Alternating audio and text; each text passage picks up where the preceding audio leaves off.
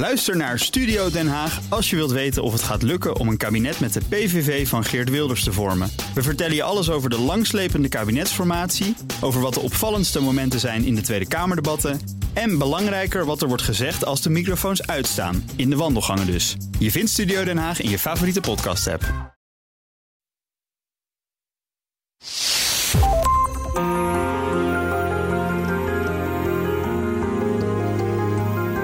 Je luistert naar De Stratege, een podcast van BNR in samenwerking met het Den Haag Centrum voor Strategische Studies. Mijn naam is Paul van Liemt. Door de oorlog in Oekraïne zijn we meer dan ooit geconfronteerd met de continuïteit die oorlogsvoering teweeg brengt. En daarom is het voor de toekomst belangrijk om de essentie van oorlog zo goed mogelijk te begrijpen. Dat besprak ik vorige week met Gijs Tuinman, luitenant-kolonel Nederlandse krijgsmacht en onderscheiden in de militaire Wilmsorde. En Tim Swijs, directeur onderzoek bij Den Haag Centrum voor Strategische Studies. Nee, maar En dat is wat dat, zakelijk. is natuurlijk heel, dat denk ik ook heel belangrijk vanuit bijna andere perspectieven, andere richtingen, althans gewoon tot elkaar kunnen komen. En dan, eh, ja, eigenlijk mag je dat niet in een filosofische discussie vragen, want het hoeft niet per se om nut te gaan, het gaat om inzicht. En dan hoef je ook niet per se met oplossingen te komen, maar toch, we leven in tijd nu met oorlog voor ons, met Oekraïne. De, de lessen die hier, die hier verteld zijn, die hier zijn neergelegd, de inzichten ook, hebben we daar iets aan? In deze tijd van oorlog met Oekraïne, kunnen we hier iets mee, Tim? Zeker. Ik bedoel, als ik nadenk over de verschrikkingen in de jaren 90 in Srebrenica en de wijze waarop Nederlandse militairen door politici, goed bedoelende politici, daar naartoe werden gestuurd, die eh, onvoldoende bewapend aankwamen en dat heeft geleid tot een, een, een grote tragedie. Als je nu nadenkt over Oekraïne en wat er gebeurt, gebeurt op het strijdveld en eh, de vraag of we daar wel of niet bij betrokken moeten raken, de vraag of er onder welke voorwaarden we welke militaire hulp kunnen bieden. Eh, maar ook de vraag wanneer, eh, wanneer gaat die oorlog ten einde lopen? En moeten we eh, erop aandringen dat die binnenkort gaat stoppen? Of gaan wij blijven wapenvoorraden leveren? Ik denk dat hier kennis over het waarom van oorlog, het einde van oorlog, maar ook het voeren van oorlog heel essentieel is. Gijs Tuinman en Tim Swijs zijn nu ook mijn gasten, want we gaan luisteraarsvragen beantwoorden. Ja, heren, er kwam er eentje binnen van Odi NL en die vraagt: wordt het gebruik van drones de nieuwe vorm van oorlogsvoering? Wie van jullie kan daar, dat is een van de nieuwe mogelijkheden, kan daarop antwoorden? Eh, Tim. Ik, ik ben, ben momenteel bezig met een boek eh, met een werktitel Debating the Future War. En waarin we dus eigenlijk ons afvragen hoe ziet die toekomst van oorlog eruit als we kijken naar wat we de afgelopen jaar hebben gezien. En in de oorlogsgemeenschap, ook in Nederland, is er een discussie over tussen de futuristen, die zeggen altijd alles zal nieuw en anders zijn, en de traditionalisten, die zeggen alles is hetzelfde en je hebt maar hele kleine veranderingen. Nou, in deze discussie was de vraag welke impact hebben drones op een nieuwe vorm van oorlog voeren. En wat je ziet, heel simpel, is dat een drone, een, een unmanned aerial vehicle, gewoon een zoveelste nieuw instrument is in het arsenaal van strijdkrachten. Dus ja, drones zullen vanaf nu de komende tijd steeds vaker en in steeds grotere getalen hun opwacht maken op het strijdveld. Hele grote drones, hele dure drones van, van, van 80 miljoen dollar. En hele kleine drones die, die, die gesourced worden, die off the shelf gekocht kunnen worden in fabrieken. Ehm, betekent dat dat eh, oorlog een iets andere ja, dimensie erbij heeft? Ongetwijfeld. Betekent dat daarmee het karakter van oorlog drastisch verandert? Nee, dat denk ik niet. Maar in zekere zin dan bijna de Bijbelse uitspraak: eh, niks nieuws onder de zon. Oorlog verandert incrementeel. maar Ja, niets Ja. nieuws onder de zon. Het feit dat je nu een onbemand vliegtuigje kan sturen om eh, informatie te verzamelen. Het feit dat je nu een onbemand vliegtuigje kan sturen met granaten erop en die kan laten neerploffen. En dat je dat eh, kan, eh, kan doen zonder hele grote capaciteiten voor de rest te hebben. Dat, ja, dat, is, dat, dat is een klein, klein accentverschuiving. Zo. Maar Gijs, hoe kijken militairen in de praktijk daarnaar, denk je? Is dat, is, is dat, die zien dat wel als iets totaal nieuws, als een volledige verandering die nog nooit heeft plaatsgevonden? Nee, alles behalve dat. Eh, ik denk eh, wat, eh, wat je in de oorlog ziet, het is altijd een antwoord en, en een tegenantwoord. Dus wat je Ja. ziet, die kleine droontjes bijvoorbeeld worden heel dominant. De tegenpartij, de Russen en deze, verzinnen een oplossing voor. Dus nu kun je ze niet meer met GPS besturen, omdat ze gejamd worden. Dan moet er iets anders komen. Dan krijg je van die first person view nou, dingetjes. Maar dan moet je weer heel goed voor leren vliegen. We hebben weer andere lui nodig. Dus je ziet eigenlijk continu, het is een soort wedloop. En eh, nou, volgens mij is dat de, continuity of, eh, of war wat dat betreft. Dus ik, ik geloof er niet zozeer in dat het ja, instrumenteel het uh, ja, warfare wat dat betreft gaat, gaat aanpassen. Nee. Dan komt er een andere vraag en die is van Joachim Kemper. Moet je even goed opletten, want dat is, ja, dat is een vrij lastige vraag, denk ik. Wordt er momenteel al nagedacht over een analoge overlevingsoptie als digitale centra onbeschikbaar zijn door cyberhacking of cyberaanvallen? En dan zegt hij daarbij, is dit op landelijk of continentaal niveau het geval als het zo is? Dat is een hele leuke vraag.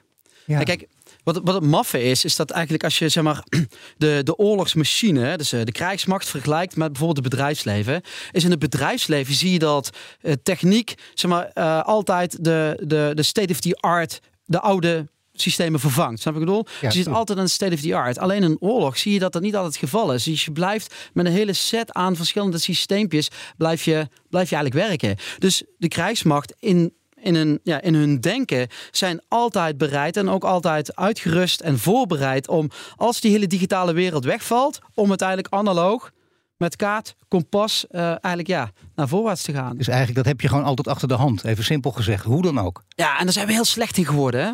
Daar zijn we heel slecht in geworden. Maar dat is ook een van mijn boodschappen. Nou, of een tijdje weer een symposium of het land optreden. Maar dat we dat beter moeten gaan leren.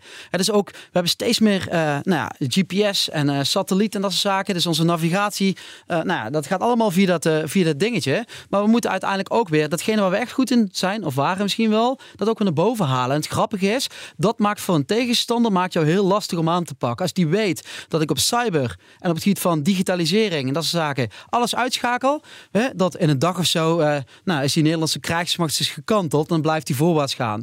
Maar ook als ik de dag later alles weer aanswitch in een, in een paar uur tijd hebben ze alle systemen weer aangedraaid en komt de volgende klap. Dus als jij je sneller kunt aanpassen nou, misschien was dat de kritieke competentie van de krijgsmacht. Als jij je sneller kunt aanpassen aan de veranderde omstandigheden dan je tegenstander, ben je altijd succesvol. Maar dat is wel heel lastig inderdaad, om dat in breinen van mensen te planten ook. Want we denken aan vooruitgangen, dan kunnen we meteen eh, de rest eh, van vroeger is oude troep kunnen we weggooien. Net als ik bijvoorbeeld hier digitaal alles voor me heb, maar ook altijd nog een geprint blaadje, wat eigenlijk niet kan. Maar toch, om op terug te vallen, stel dat alles uit zou vallen. Dat kun je neurotisch noemen, dat is misschien ook wel van deel. Maar het is natuurlijk ook, het heeft ook mee te maken dat je het kan een keer gebeuren. Daar komt het eigenlijk om neer. Maar hoe krijg je dat in die breinen geplant? Dat mensen dat gaan doen? Want dan krijg je het dus niet efficiënt. Nou, je weet hoe er geredeneerd wordt. Nee, maar het is ook heel lastig. Hè? De maffe is, het is eigenlijk de, de, de, de schizofrene houding. De schizofrene ja, positie waar we als Nederlandse krijgsmacht... maar ook met onze beleidsmedewerkers en uh, ministerie van Buitenlandse Zaken... eigenlijk inzetten. En een, mooi anekdotisch voorbeeld daarvan is... Dus we hadden laatst een, uh, een symposium. Dat ging dan over uh, lessen leren uit Oekraïne. Dus eerst kwam er iemand, die was in, in, in Groot-Brittannië geweest. Hè, dus in Engeland om uh, Oekraïnse militairen te, te trainen. En, en, ja, die eigenlijk daarna weer naar het front gaan. Basisvaardigheid. Zegt dan, de allerbelangrijkste les die we daar hebben geleerd is hoe graaf ik een gat in de grond, zodat ik mezelf kan beschermen. Vervolgens, komt, vervolgens komt de Oekraïnse uh, infanterie, dat is degene die voorin zit, in Bakmoed en de loopgraaf heeft gezeten.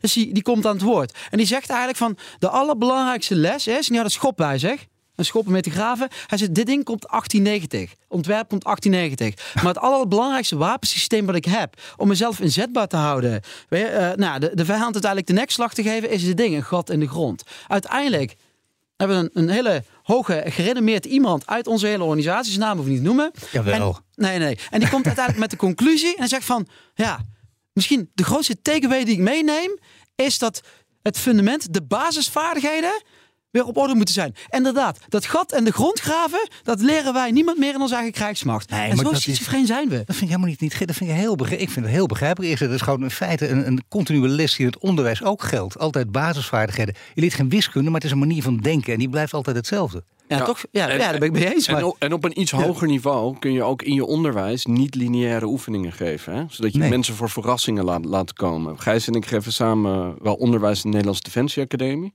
En dan zien we bij ik bedoel, zeer bekwame mensen, maar die wel al een soort van in het midden van hun carrière zijn. Hoe geschokt ze zijn als we hun een niet-lineair scenario voorleggen en dat laten ja, uitgamen. Je ziet echt verzet. Je ziet echt er verzet tegen. Ja, het is gewoon uh, soms. Uh, ja, uh, we zitten oproer. En dan zijn jullie ouderwets. Dan worden jullie in die hoek geplaatst, of niet? Dat is, dan, dan zou ik, ik probeer me even te verplaatsen, zou ik denken als ik daar student was, zouden zijn jullie oldschool. Nee, we zijn niet oldschool, we zijn, te, we zijn uh, elitair.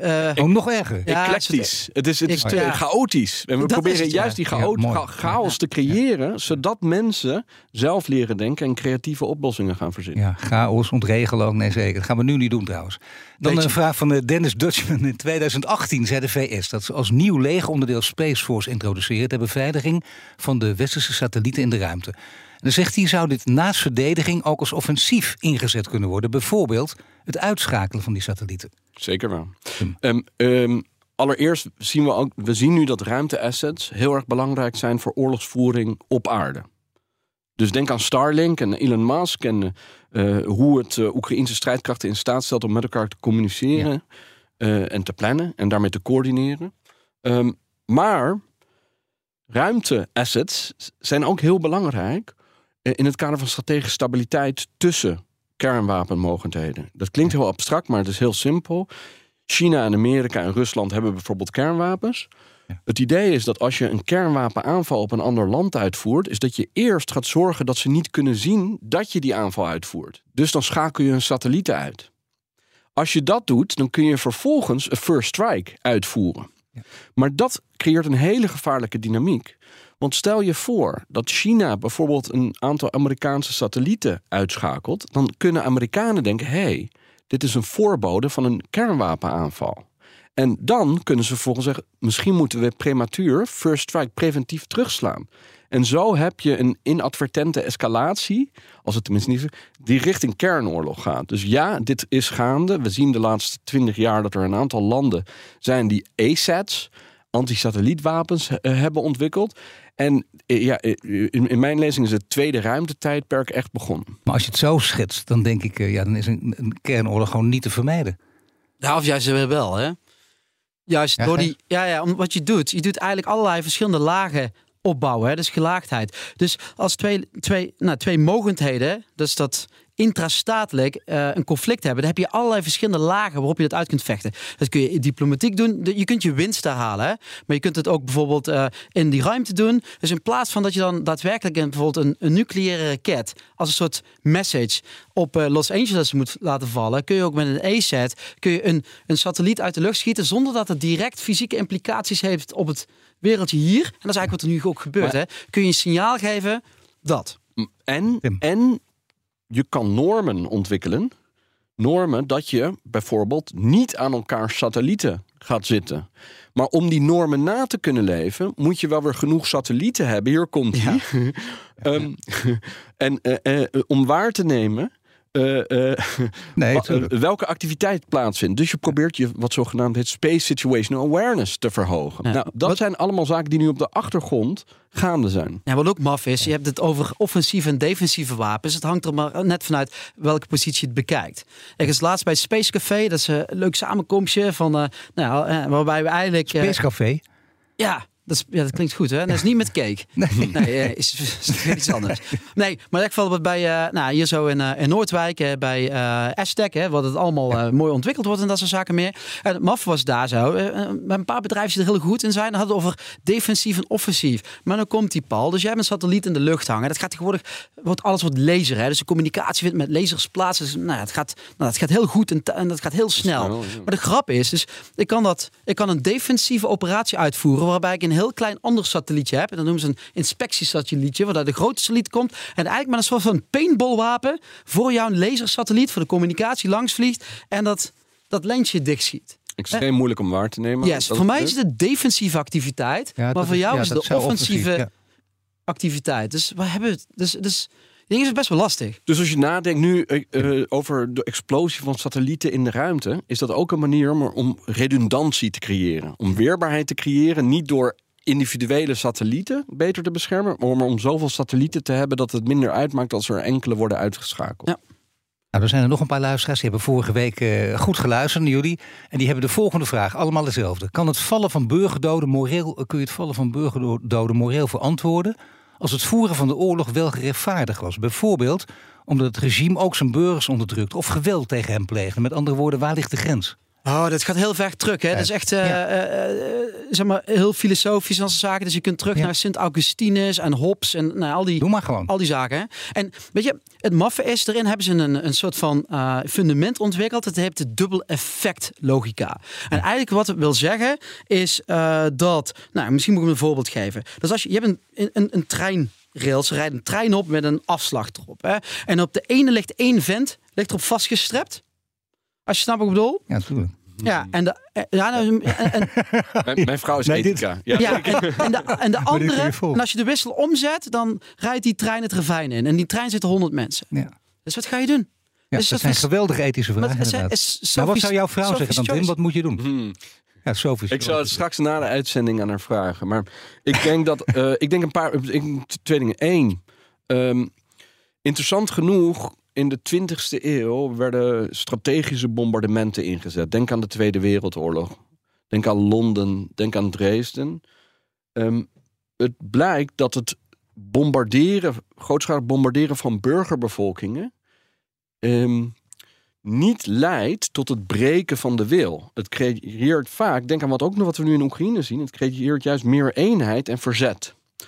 Dus dat, is de, dat gaat mij over wat de impact ervan is. En jouw vraag was naar de ethische ja, uh, kant ervan. Nou, die Sophie's Choice, daar gaat het eigenlijk om. Uh, als er een totale oorlog is tussen twee uh, samenlevingen.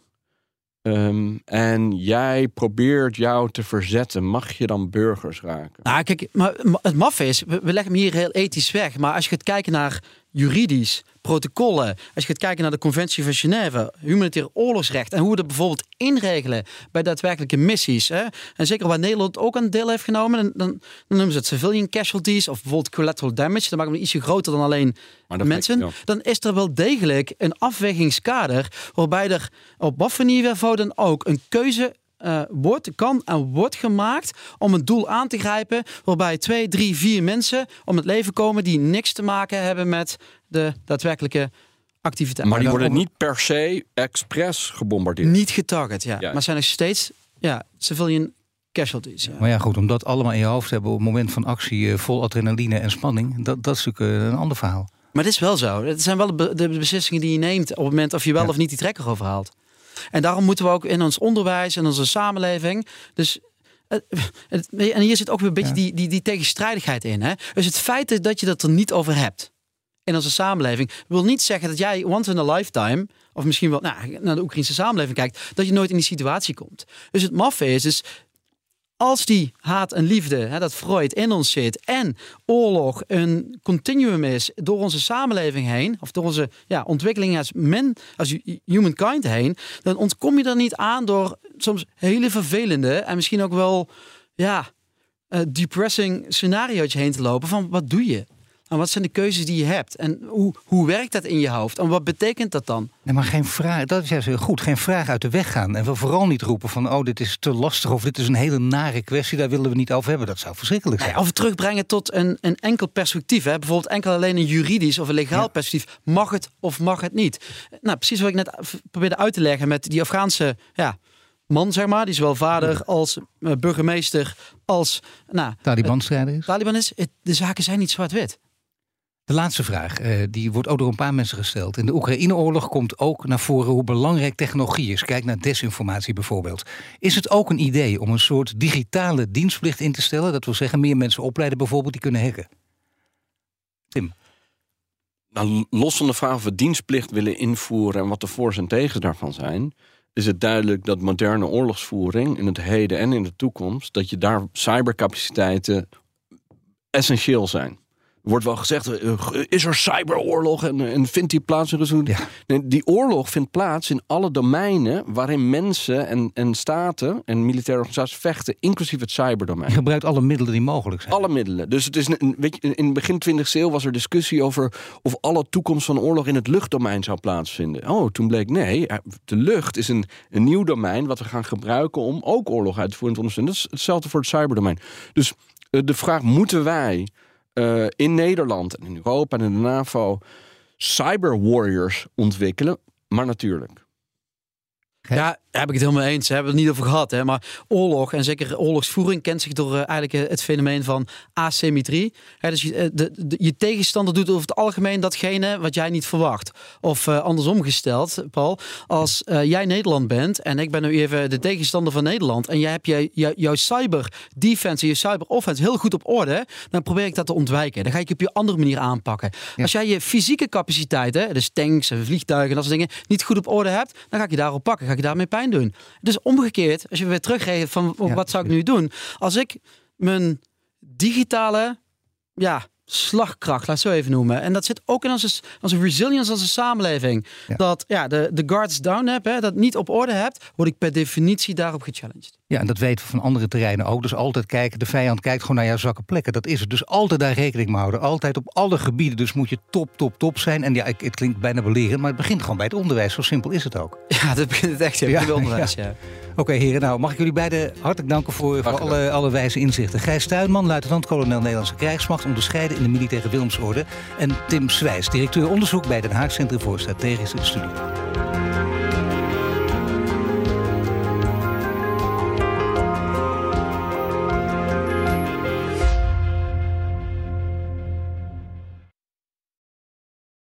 Ook Hugo Reitsma vind je in de BNR-app. Superhandig die BNR-app. Je kunt alle programma's live luisteren, breaking nieuwsmeldingen. Je blijft op de hoogte van het laatste zakelijke nieuws. En je vindt er alle BNR-podcasts, waaronder natuurlijk de belangrijkste, Boeken zijn in de wijk. Download nu de gratis BNR-app en blijf scherp.